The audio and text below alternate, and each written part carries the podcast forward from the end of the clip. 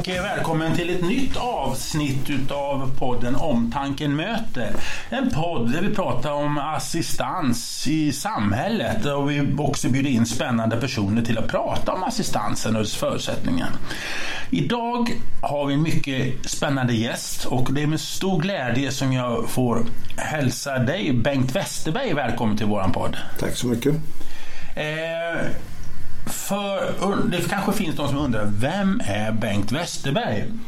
Och eh, om jag får försöka göra ett förs försök till presentation av dig Bengt, så får du fylla i sen vad jag har missat. Men tidigare folkpartiledare, föregångare till dagens Liberalerna, då hette det Folkpartiet.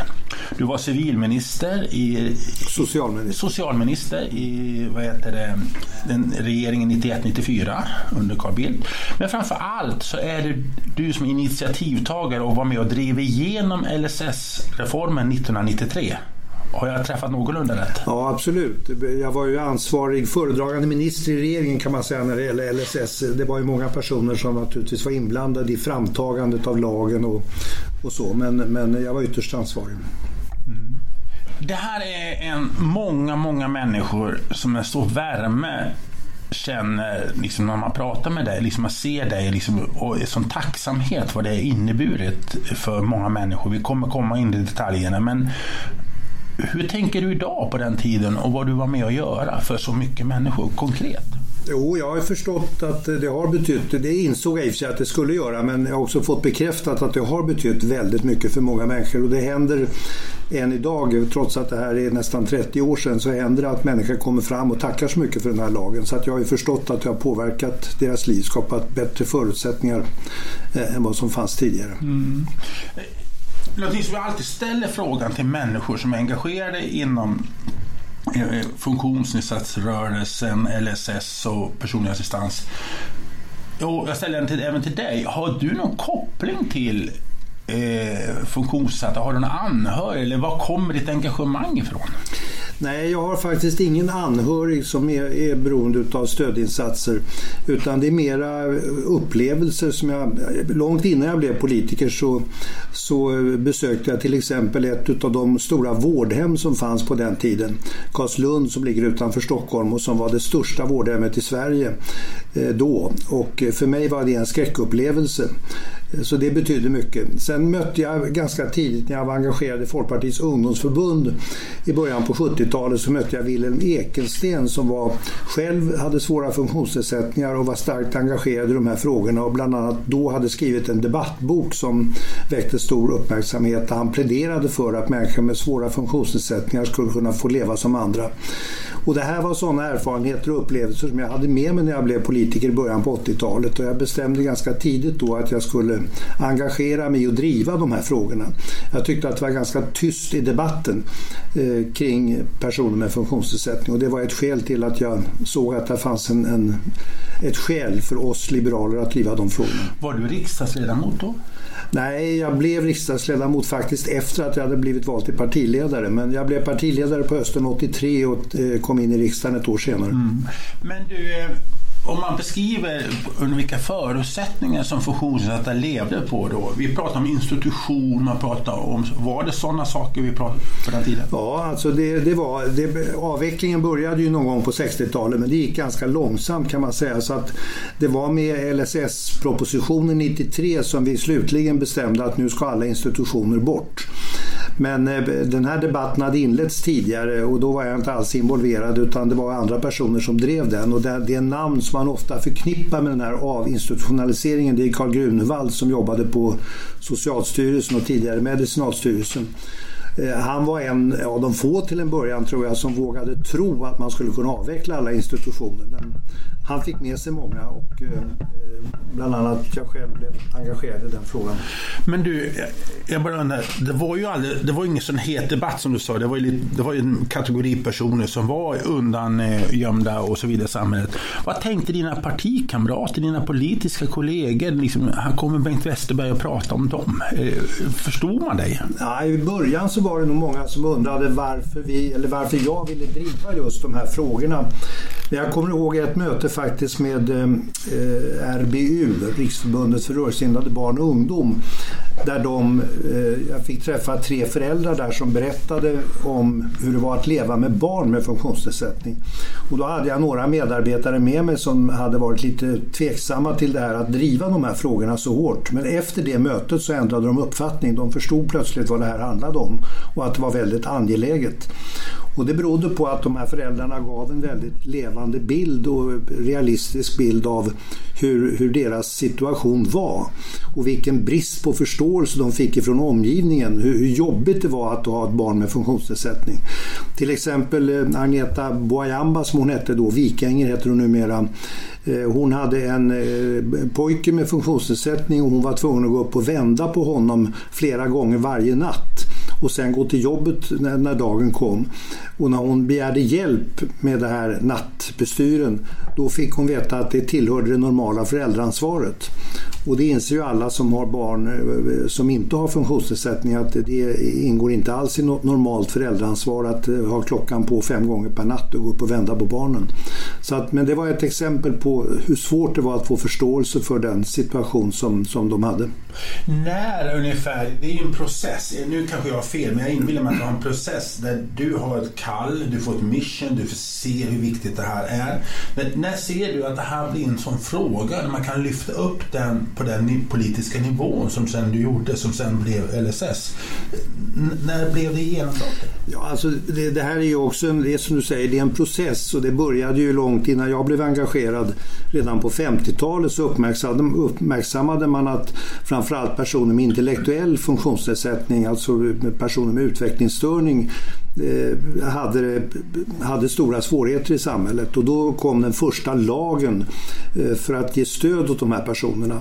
Och sen fick, kom det flera lagar som förstärkte det här stödet och man började prata om att de skulle få rätt till skolgång och sådana saker som inte tidigare var självklart. Så att den här processen hade pågått en ganska lång stund innan jag blev partiledare. Men sen hade vi en, en riktig konfrontation i mitten på 80-talet därför att då hade, eh, hade många hoppats att vi skulle få en ny lag som skulle omfatta inte bara personer med intellektuell funktionsnedsättning utan också psykisk och fysisk funktionsnedsättning. Men då kom en, ett, ett lagförslag, en lag som heter omsorgslagen. Och den innebar inte någon utvidgning utan den eh, överensstämde med de gamla lagarna, handlade bara om de med intellektuell funktionsnedsättning.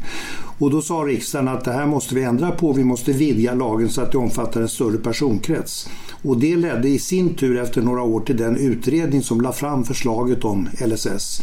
Och då var jag med i processen så att säga på 80-talet och framåt. Mm. Så att det kommer att betyda mycket. Men det startade inte med LSS, det måste man säga. Nej. Utan det var en process, det hade föregåtts av en process då man hade förbättrat villkoren för personer med intellektuell funktionsnedsättning under ganska lång tid.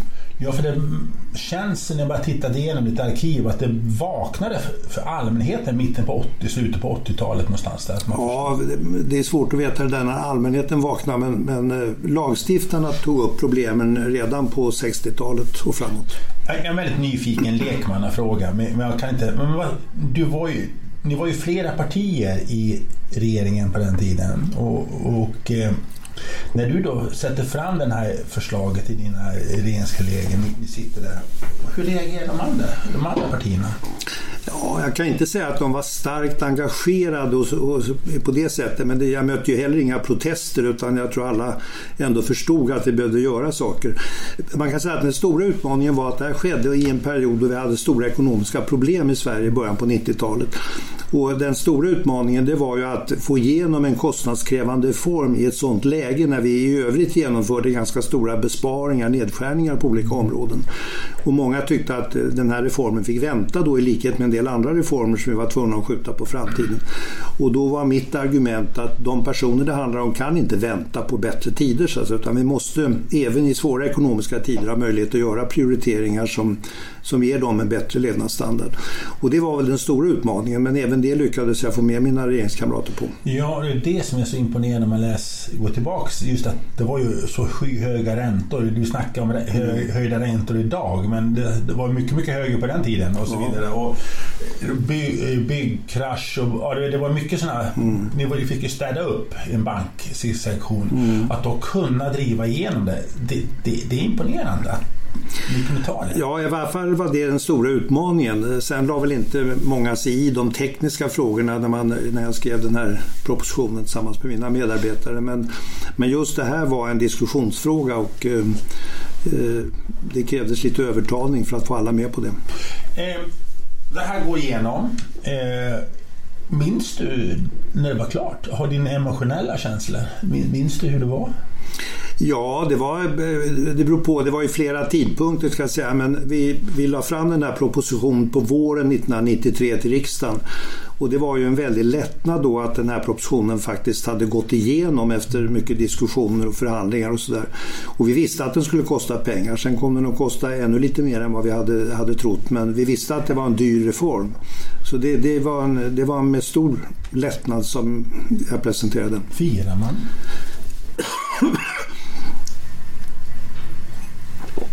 Nej, jag har ingen minne av att vi firade på något särskilt sätt men, men eh, det, det kommer jag faktiskt inte ihåg exakt hur det såg ut. Men jag, jag tror inte det var någon stor fest nej, eller så. Nej. Så var det inte. Däremot så är, är en väldigt spännande fråga. Sen förlorade ni valet 94 och så kommer en socialdemokratisk regering. Och eh, jag har hört eh, eh du får säga om den ryktena är sanna eller om det är skröna, att det gjordes flera attacker under liksom, nästa 90-talet mot LSS av den, för, de kommande regeringarna. Liksom, att eh, skulle verkligen ha det här kvar och så vidare. Det var inte självklart. Är det sant? Eller ja, nej men det är alldeles riktigt. Alltså, man kan säga att det var framförallt eh, assistansen som kom att kosta mer än, än vad som hade förutsetts tidigare. Och eh, ganska snabbt så började diskussionen om inte assistansen hade blivit för dyr. Och det tillsattes en utredning eh, snart efter regeringsskiftet med, med målet att man skulle föreslå besparingar på assistansen. Eh, och sen kan man säga att den har följts av många utredningar med ungefär samma ambition att skära ner på assistansen. Det som hände det var egentligen att att eh, kostnaderna för andra LSS-insatser blev snarare mindre än beräknat.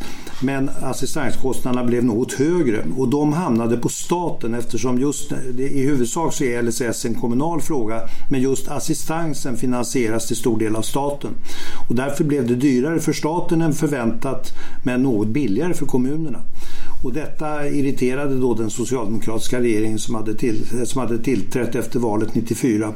Och då tillsatte man som sagt en utredning som fick i uppdrag att föreslå besparingar. Och det konkreta resultatet av den utredningen det blev att man la till en paragraf i lagen där man skriver att för att kunna få assistans så krävs det att man har vad som kallas grundläggande behov.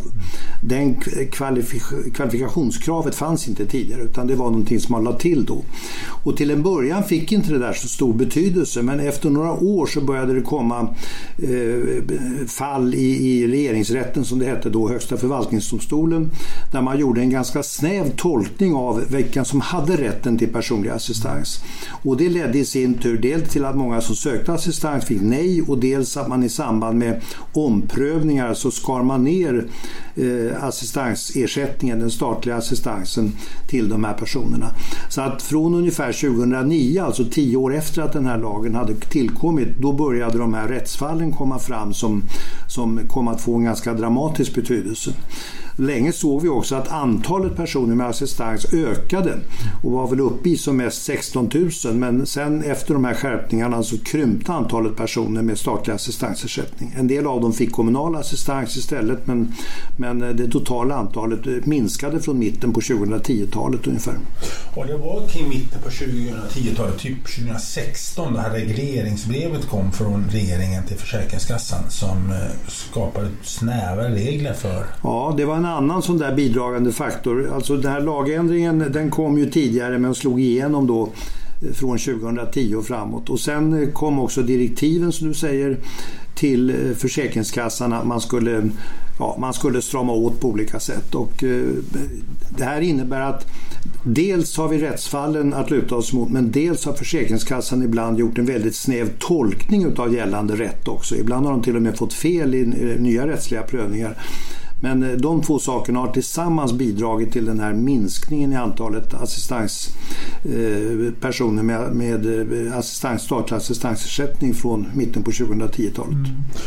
Jag som förälder då till funktionsnedsatta barn och jag och min fru, det knöt sig extra mycket i magen när vi då hade flyktingmottagningen då 2015. Och jag vill betona vi var stolta, jag och min familj vi var stolta över att kunna ta emot flyktingar. Jag vill bara säga det så jag inte missförstår det. Men det var en viss politiker, Magdalena Andersson, som då gick ut som var finansminister och ställde LSS mot flyktingmottagandet i en intervju. Jag vet inte, hörde du den intervjun? Ja, jag har hört den där spelas upp några gånger och det var naturligtvis ett, ett, ett olyckligt att överhuvudtaget ta upp den frågan i sammanhanget. Det där är ju två frågor som tycker jag är ganska skilda åt. Ja. Du, ehm, eh, sen blev det här en stor fråga i valrörelsen 2018. Eh, men är det inte så stor var, fråga i valrörelsen idag? Vad har hänt sedan dess? Ja, alltså dels har ju valrörelsen inte riktigt kommit igång än så kan, det är svårt att veta eh, vad, vad, vi kommer att prata om. Men sen händer det så mycket andra saker i världen. Det är klart att eh, Rysslands invasion i Ukraina eh, är ju en sån dramatisk händelse så att den har ju i alla fall nu under en tid här våren 2022 dominerat den politiska debatten. Och sen har vi det parlamentariska kaos som råder nu där vi, riksdagen alldeles nyss inte klarade av att fatta beslut om, om vårbudgeten utan får ha skjutit upp det beslutet. Så att det, det händer mycket annat och det är klart att då, då puttas frågor som assistans och annat lite grann åt sidan. Men vi ska inte utesluta att de dyker upp igen när det blir valrörelse på riktigt. Tror du att de kommer att göra det? Ja, det beror ju mycket på vad politiker prioriterar och hur frågorna kommer upp. Nu har regeringen lagt ett, ett förslag här under våren som innebär en viss utvidgning av assistansen. Och det är kan man säga det första positiva beslutet sedan lagen beslutades eh, 1993. Fram tills nu har det varit handlat om åtstramning och nedskärningar och sådär. Men nu kommer ändå ett, ett eh, beslut i positiv anda. Och det är möjligt att det leder till att frågan inte får riktigt samma uppmärksamhet. Därför att nu måste man avvakta och se vad innebär det här nya förslaget? Hur kommer det att slå? Varför lägger man inte lagen före valet? Jo, men det har man gjort. Jag ja, tror att, ja, man, ut, att man ändå måste avvakta och se.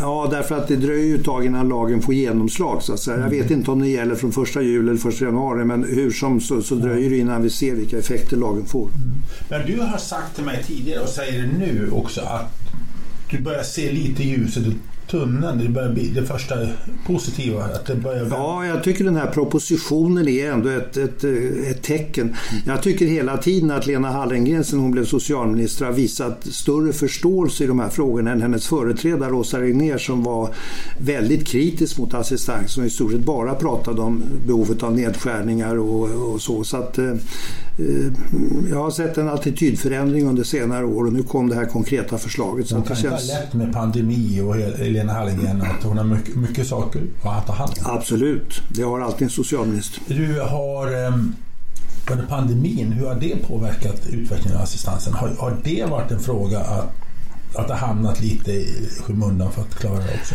Ja, det är, till, det är ju en annan sån där kris som vi har levt med några år, eh, precis som vi nu lever med kriget i Ukraina. Så det är klart att det har gjort, eftersom den frågan har varit nödvändig att ta itu med så att säga, så har den trängt sig fram och andra frågor har trängts tillbaka. Det får, det får man nog acceptera att det är så. Men även under pandemin har man ju utarbetat det här förslaget som nu eh, ska genomföras som innebär att fler ska få rätt till assistans. Så att, eh, något har ju hänt. Men fortfarande är det väldigt många som inte får assistans, som borde få assistans. Jag hade ett samtal med en person som eh, i närheten eh, funderade liksom att söka och sa att det var ingen idé att söka för man får ändå inte. Och då, då blev jag lite rädd, liksom, att det kommer så långt att det är ingen idé att försöka. Nej, men det har ju varit så väldigt länge nu att eh, färre och färre har blivit beviljade när de söker första gången och många har förlorat assistans, den statliga assistansersättningen ersättning i samband med omprövning. Nu kommer väl den här, det här nya förslaget, lagändringarna som kommer nu, kommer att innebära en förbättring. Men hur omfattande det blir, hur många personer det berör och hur det kommer att påverka i många konkreta fall, det, det vet vi inte än, utan det, det, får vi se. Och jag skulle gissa att även när vi ser genomslaget för den så skulle jag tro att jag och många andra tycker fortfarande att det är för snäv tillämpning och att fler borde få möjligheter till assistans. Men en förbättring tror jag ändå att det kommer att bli. Kan du förstå de som sitter har fått avslag och har ja, anhöriga eller barn eller liknande som borde få assistans men får nej och så hör du säga att det blir förbättringar. Ska de känna hopp eller ska de avvakta och se? Eller, eller tänker du, den Bengt Westerberg, han, vad pratar han om? Vår verk, verklighet är ju helt annan. Ja, men alltså den verklighet som de här nya förslagen ja. skapar, den vet vi ingenting om än. Så att det är lite för tidigt att uttala sig ja. om det. Några kommer säkert att uppleva att jo, men nu blev det bättre, nu fick vi det vi hade önskat. Andra kommer att bli besvikna därför att den hjälper inte alla som, som har de här behoven. Det är Därför jag säger att även när vi har sett den, den nya lagen eller förslagets genomslag så kommer vi att upptäcka att det finns fortfarande många som har assistansbehov som får nej. Mm. Men det som jag upplevt eh, kanske de sista fem sex åren, kanske 10 år, det är ju det att en sak är vad regeringen säger och tydliga regeringsförslag men Försäkringskassan lever i en egen bubbla och egen eh, värld. De verkar inte riktigt följa regeringsrekommendationer. Eller har, jo, det tror jag nog att de gör och eh, man kan alltid diskutera om de här eh, rättsfallen, alltså när man tillämpar lagen, eh, är det enligt politikernas önskemål eller inte? Eh, och skulle det inte vara det, om det skulle vara så att politiker blev väldigt upprörda över regeringsrättens domar, då skulle man ju omedelbart ändra lagen. Men det har man faktiskt inte gjort, utan man har låtit lagen se ut som den gör under ett antal år. Och det får man väl tolka så att många politiker, majoriteten kanske har varit ganska nöjd med den tolkning som, som de högsta domstolen, förvaltningsdomstolen har gjort av lagen. Nu kommer som sagt vara en ändring och vad den innebär vet vi inte så mycket om än. Den, den innebär en förbättring, det, det, tror jag vågar säga. De talar om, om jag minns rätt nu, så säger man i den här propositionen att det kanske är ett par tusen personer till som ska kunna få assistans. Och det är naturligtvis väldigt positivt, men sen är frågan hur långt det räcker och där tror jag som sagt var att även när vi ser den här lagen fullt genomförd så kommer vi att tycka att det fortfarande är för många som får nej. Tror du också Försäkringskassan kommer följa de riktlinjerna? Ja, det utgår jag från. Kan du förstå att Försäkringskassan inte står så högt i kurs, om jag uttrycker mig diplomatiskt, bland eh, föräldrar och anhöriga till funktionsnedsatta? Ja, det är ju en lite märklig situation vi har i Sverige där Skatteverket är en ganska populär myndighet som håller på och vill att folk ska betala pengar medan Försäkringskassan som betalar ut pengar utsätts för väldigt mycket kritik. Det borde ju inte vara så tycker man riktigt men eh, det här beror naturligtvis på att Försäkringskassan, jag förstår ju också att det är, en, det är en svår sits som de har. De ska göra en prövning om många som söker och får nej, de blir naturligtvis väldigt besvikna. Eh, men jag tycker som sagt var ibland att de har gjort snävare tolkningar än vad de behöver och vad lagen kräver. Och även snäva tolkningar ibland utav de eh, utslag i domstolar som har skett. Alltså man har tolkat det snävare än vad egentligen det här domen säger att man ska tolka den. Eh, så att ibland tycker jag att de är lite väl snåla i sin tillämpning och bedömning. Vad kan man göra åt det just när det gäller Försäkringskassan? Ja, det, det handlar väl egentligen om en, en ledningsfråga. Jag känner inte Nils Öberg som nu är chef för Försäkringskassan men jag tror säkert att han har ambitionen att det ska ske en, en eh, rättsligt riktig tolkning. De jobbar säkert med det. För det livet jag lever, det, det hör man allt oftare, ja, ja, politikerna förstår det. Politikerna har visat en god vilja. Men så har vi Försäkringskassan de lever en annan värld. De gör ju inte som politikerna vill. Det, det är en myt kan jag förstå men ja. jag vill bara... Ja, nej, men det är nog viktigt, alltså, det är viktigt att understryka som du säger att det är en myt därför att ändå är det så att Försäkringskassan tillämpar de politiska riktlinjerna och skulle, skulle de tolka dem fel då har man ju möjlighet att rätta till det från politiskt håll och gör man inte det då får man ändå säga att då har politikerna godkänt tolkningen. Så måste man se det. För det intressanta är i den enkät som nu Omtanken har gjort i sin senaste tidning om basläggande, grundläggande assistansfrågor.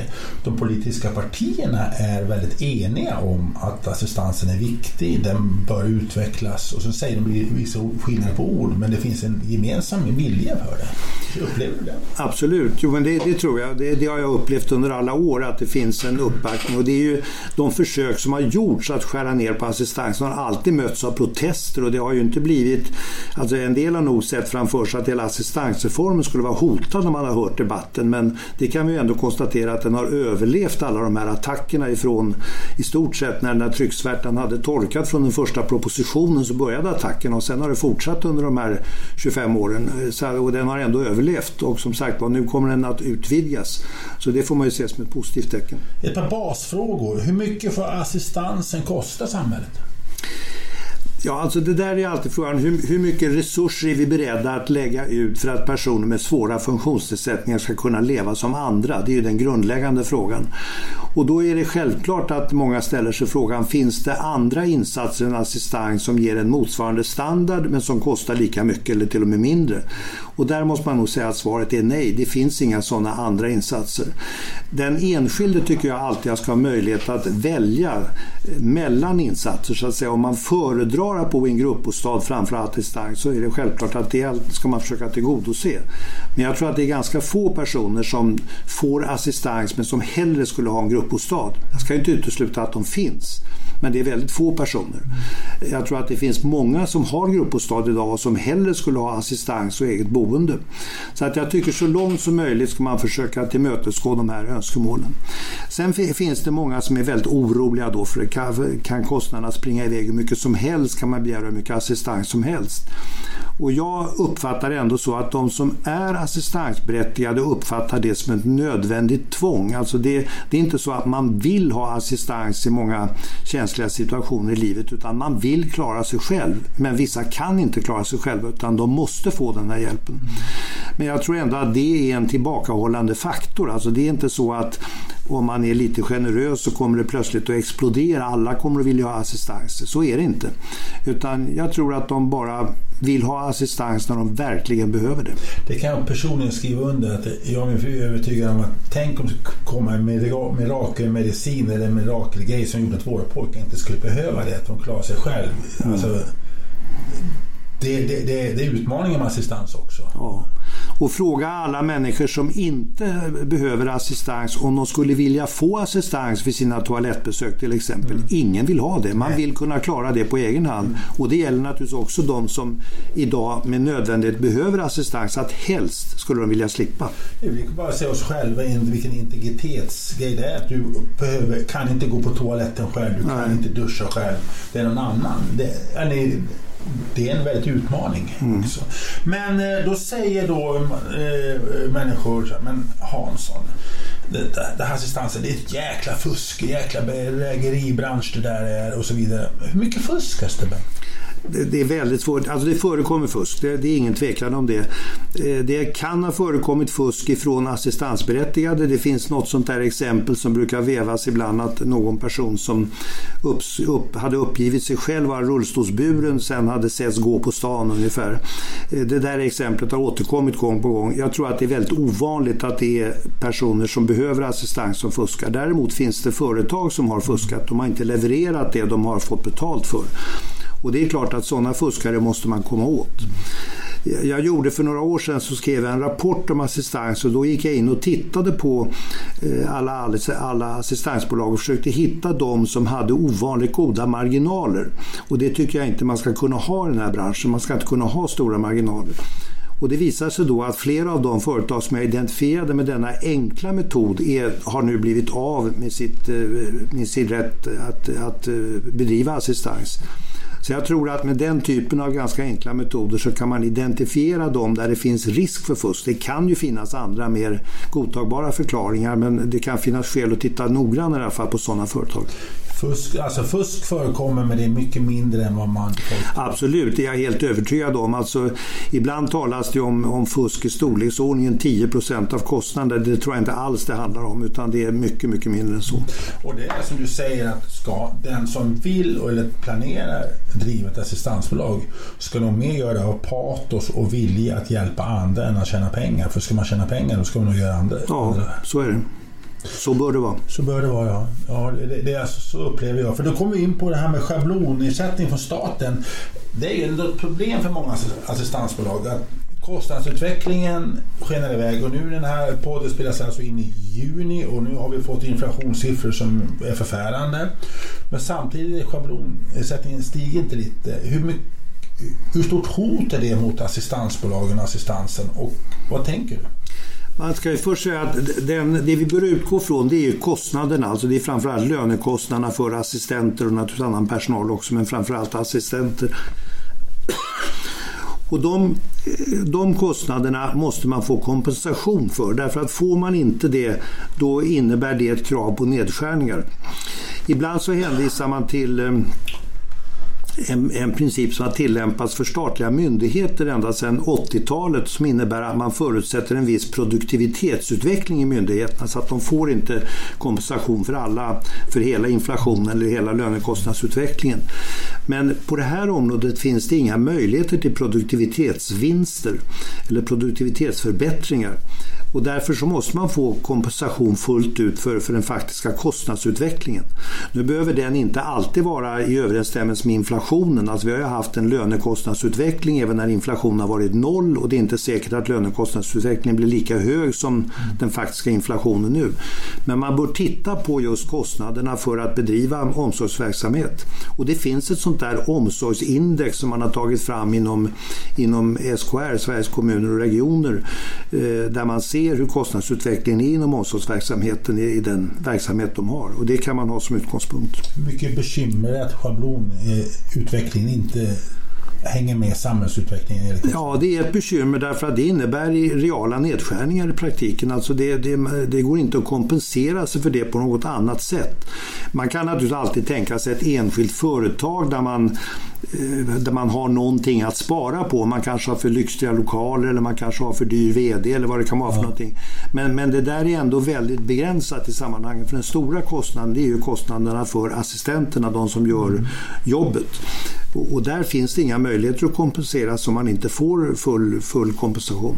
Och de har jag sett någon siffra att man ska ha ungefär samma löneutveckling som undersköterskor och liknande. Och hänger man inte med där då vill vi kanske människor hellre då kan man inte, som undersköterskor. Precis, och då kan man inte rekrytera personal. Det gäller ju hela den ja. säga, hela, hela välfärdssektorn, hela den offentliga sektorn. Man måste hänga med i löneutvecklingen annars så får man inte rätt personer. Vad gör vi åt det? Ska, är det här en viktig fråga som funktionsrörelsen måste ta tag i? Eller Ja, det är inte funkisrörelsens uppgift. Utan, bransch, ja, inte ens de kan göra så mycket åt utan det här är ju faktiskt eh, till sist regeringen, politikerna som bestämmer. Så de måste övertygas om att, att det är nödvändigt att, eh, att man hänger med i allmänna, den allmänna kostnadsutvecklingen för omsorgsverksamhet. Det är en nyckelfråga. Ja. Och det, har, det har oftast inte pratat så mycket om det, men det är mycket. Nej, men den har varit uppe ganska många gånger. Den är lite teknisk och lite svår att kanske förstå, men, men eh, frågan har ändå varit uppe ett antal gånger. Jag skrev om den i några rapporter här för en 5-6 år sedan eh, och den har varit uppe i andra sammanhang också. Så det är inte en fråga som ingen känner till, utan alla känner väl till frågan. Eh, lämna det. Eh, assistansen, ska det vara under statlig regi? Ja, kanske. Det finns ju många som tycker att det är bra. Alltså, skälet till att vi jag, jag, sa förut att LSS i huvudsak är en kommunal uppgift men just assistansen är delvis en statlig uppgift. Och det beror på att när vi genomförde assistansreformen i början på 90-talet så konstaterade vi att det kunde bli väldigt dyrt för de som hade klienter med, med assistans. Och i en viss kommundel eller liten kommun kunde det bli en stor kostnad och då sa vi att det här bör alla skattebetalare vara med och dela på. Man bör inte lägga hela bördan på de som råkar ha några personer med assistans assistansbehov i sin region eller sin kommun. Så det var skälet till att staten tog på sig den här uppgiften med assistansersättningen. Och jag tycker fortfarande i princip att det är riktigt att man gör på det sättet. Sen har en del sagt att man vill lägga hela assistansersättningen under staten.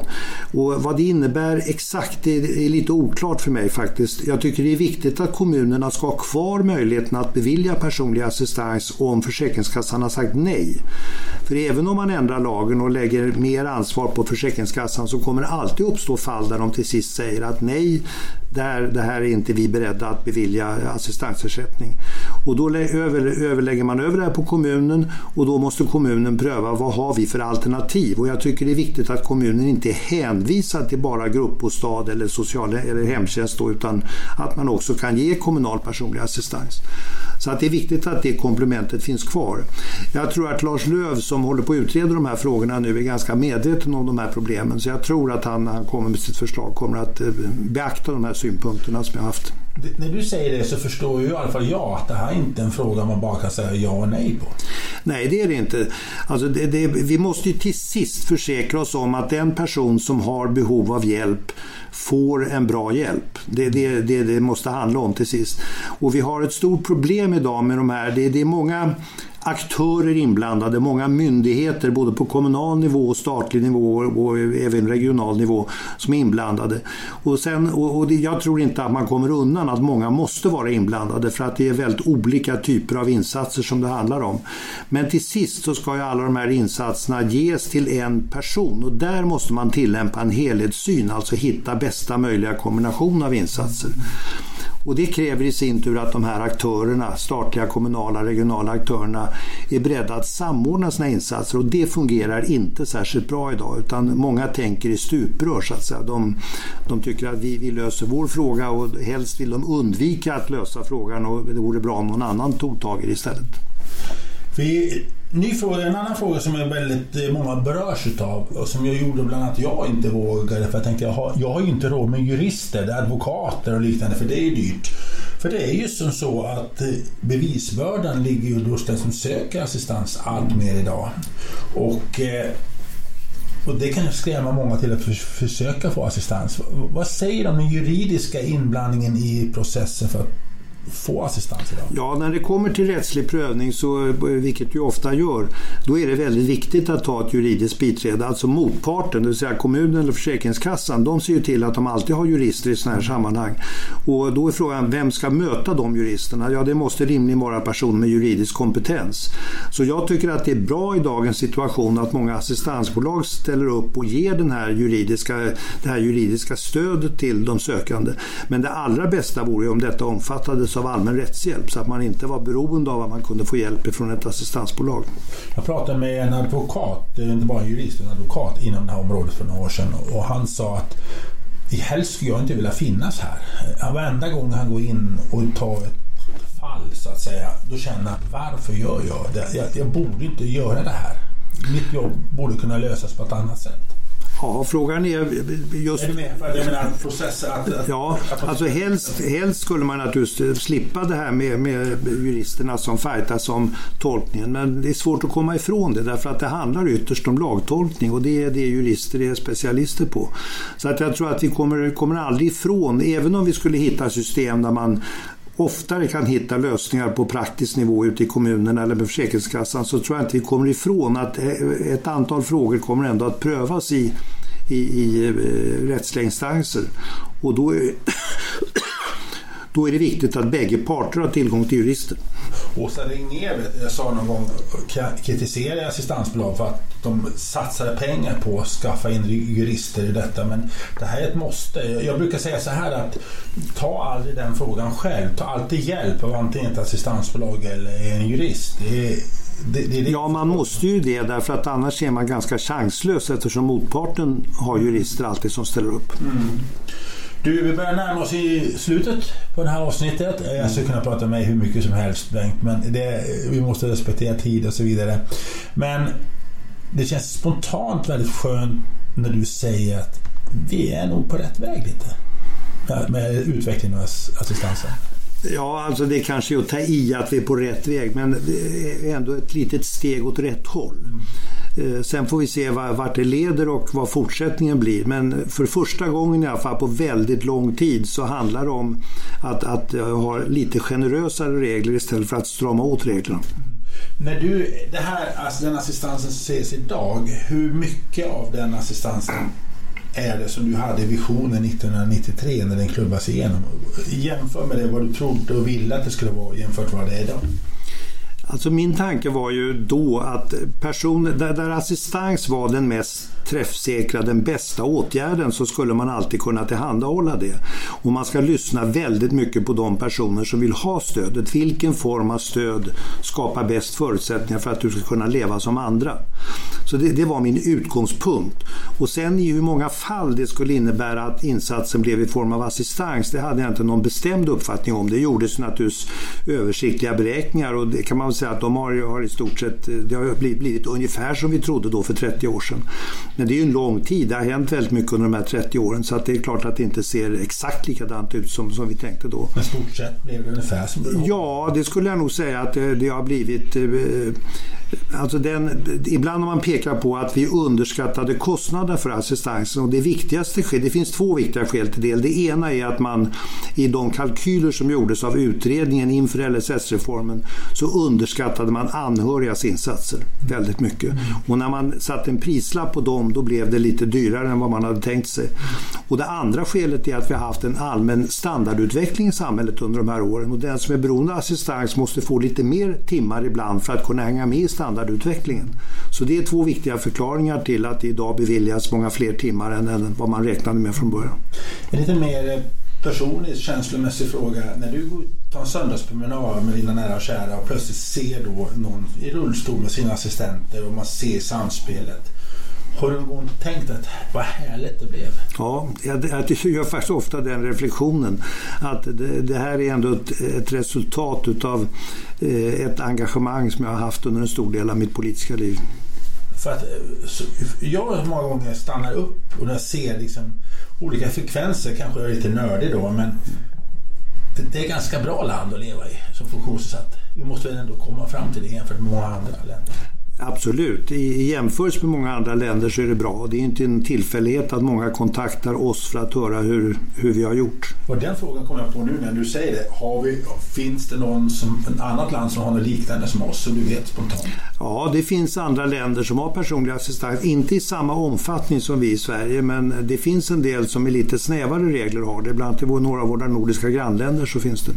Hade, om du, det här är möjligt, men om man har varit funktionsnedsatt, ligger vi i topp när det gäller att ta hand om våra funktionsnedsatta ute i världen, Europa till exempel?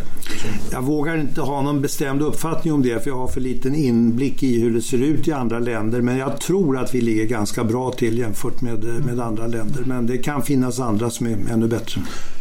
Men det tycker jag var en bra avslutning på vårt samtal. Jag får önska dig en trevlig sommar Bengt. Tack så mycket. Hoppas att du får det bra och väldigt trevligt att du ville komma hit. Tack för att jag fick och, komma. Och eh, jag tackar också er lyssnare som har varit med och lyssnat på det här samtalet. Hoppas att det givit er inspiration och eh, kraft. Eh, och jag som tackar, jag heter Anders Hansson och eh, jag önskar er allt bra där ute och hoppas att ni har det fint. Så hörs vi senare med ett nytt avsnitt av Omtanke möter. Hej då!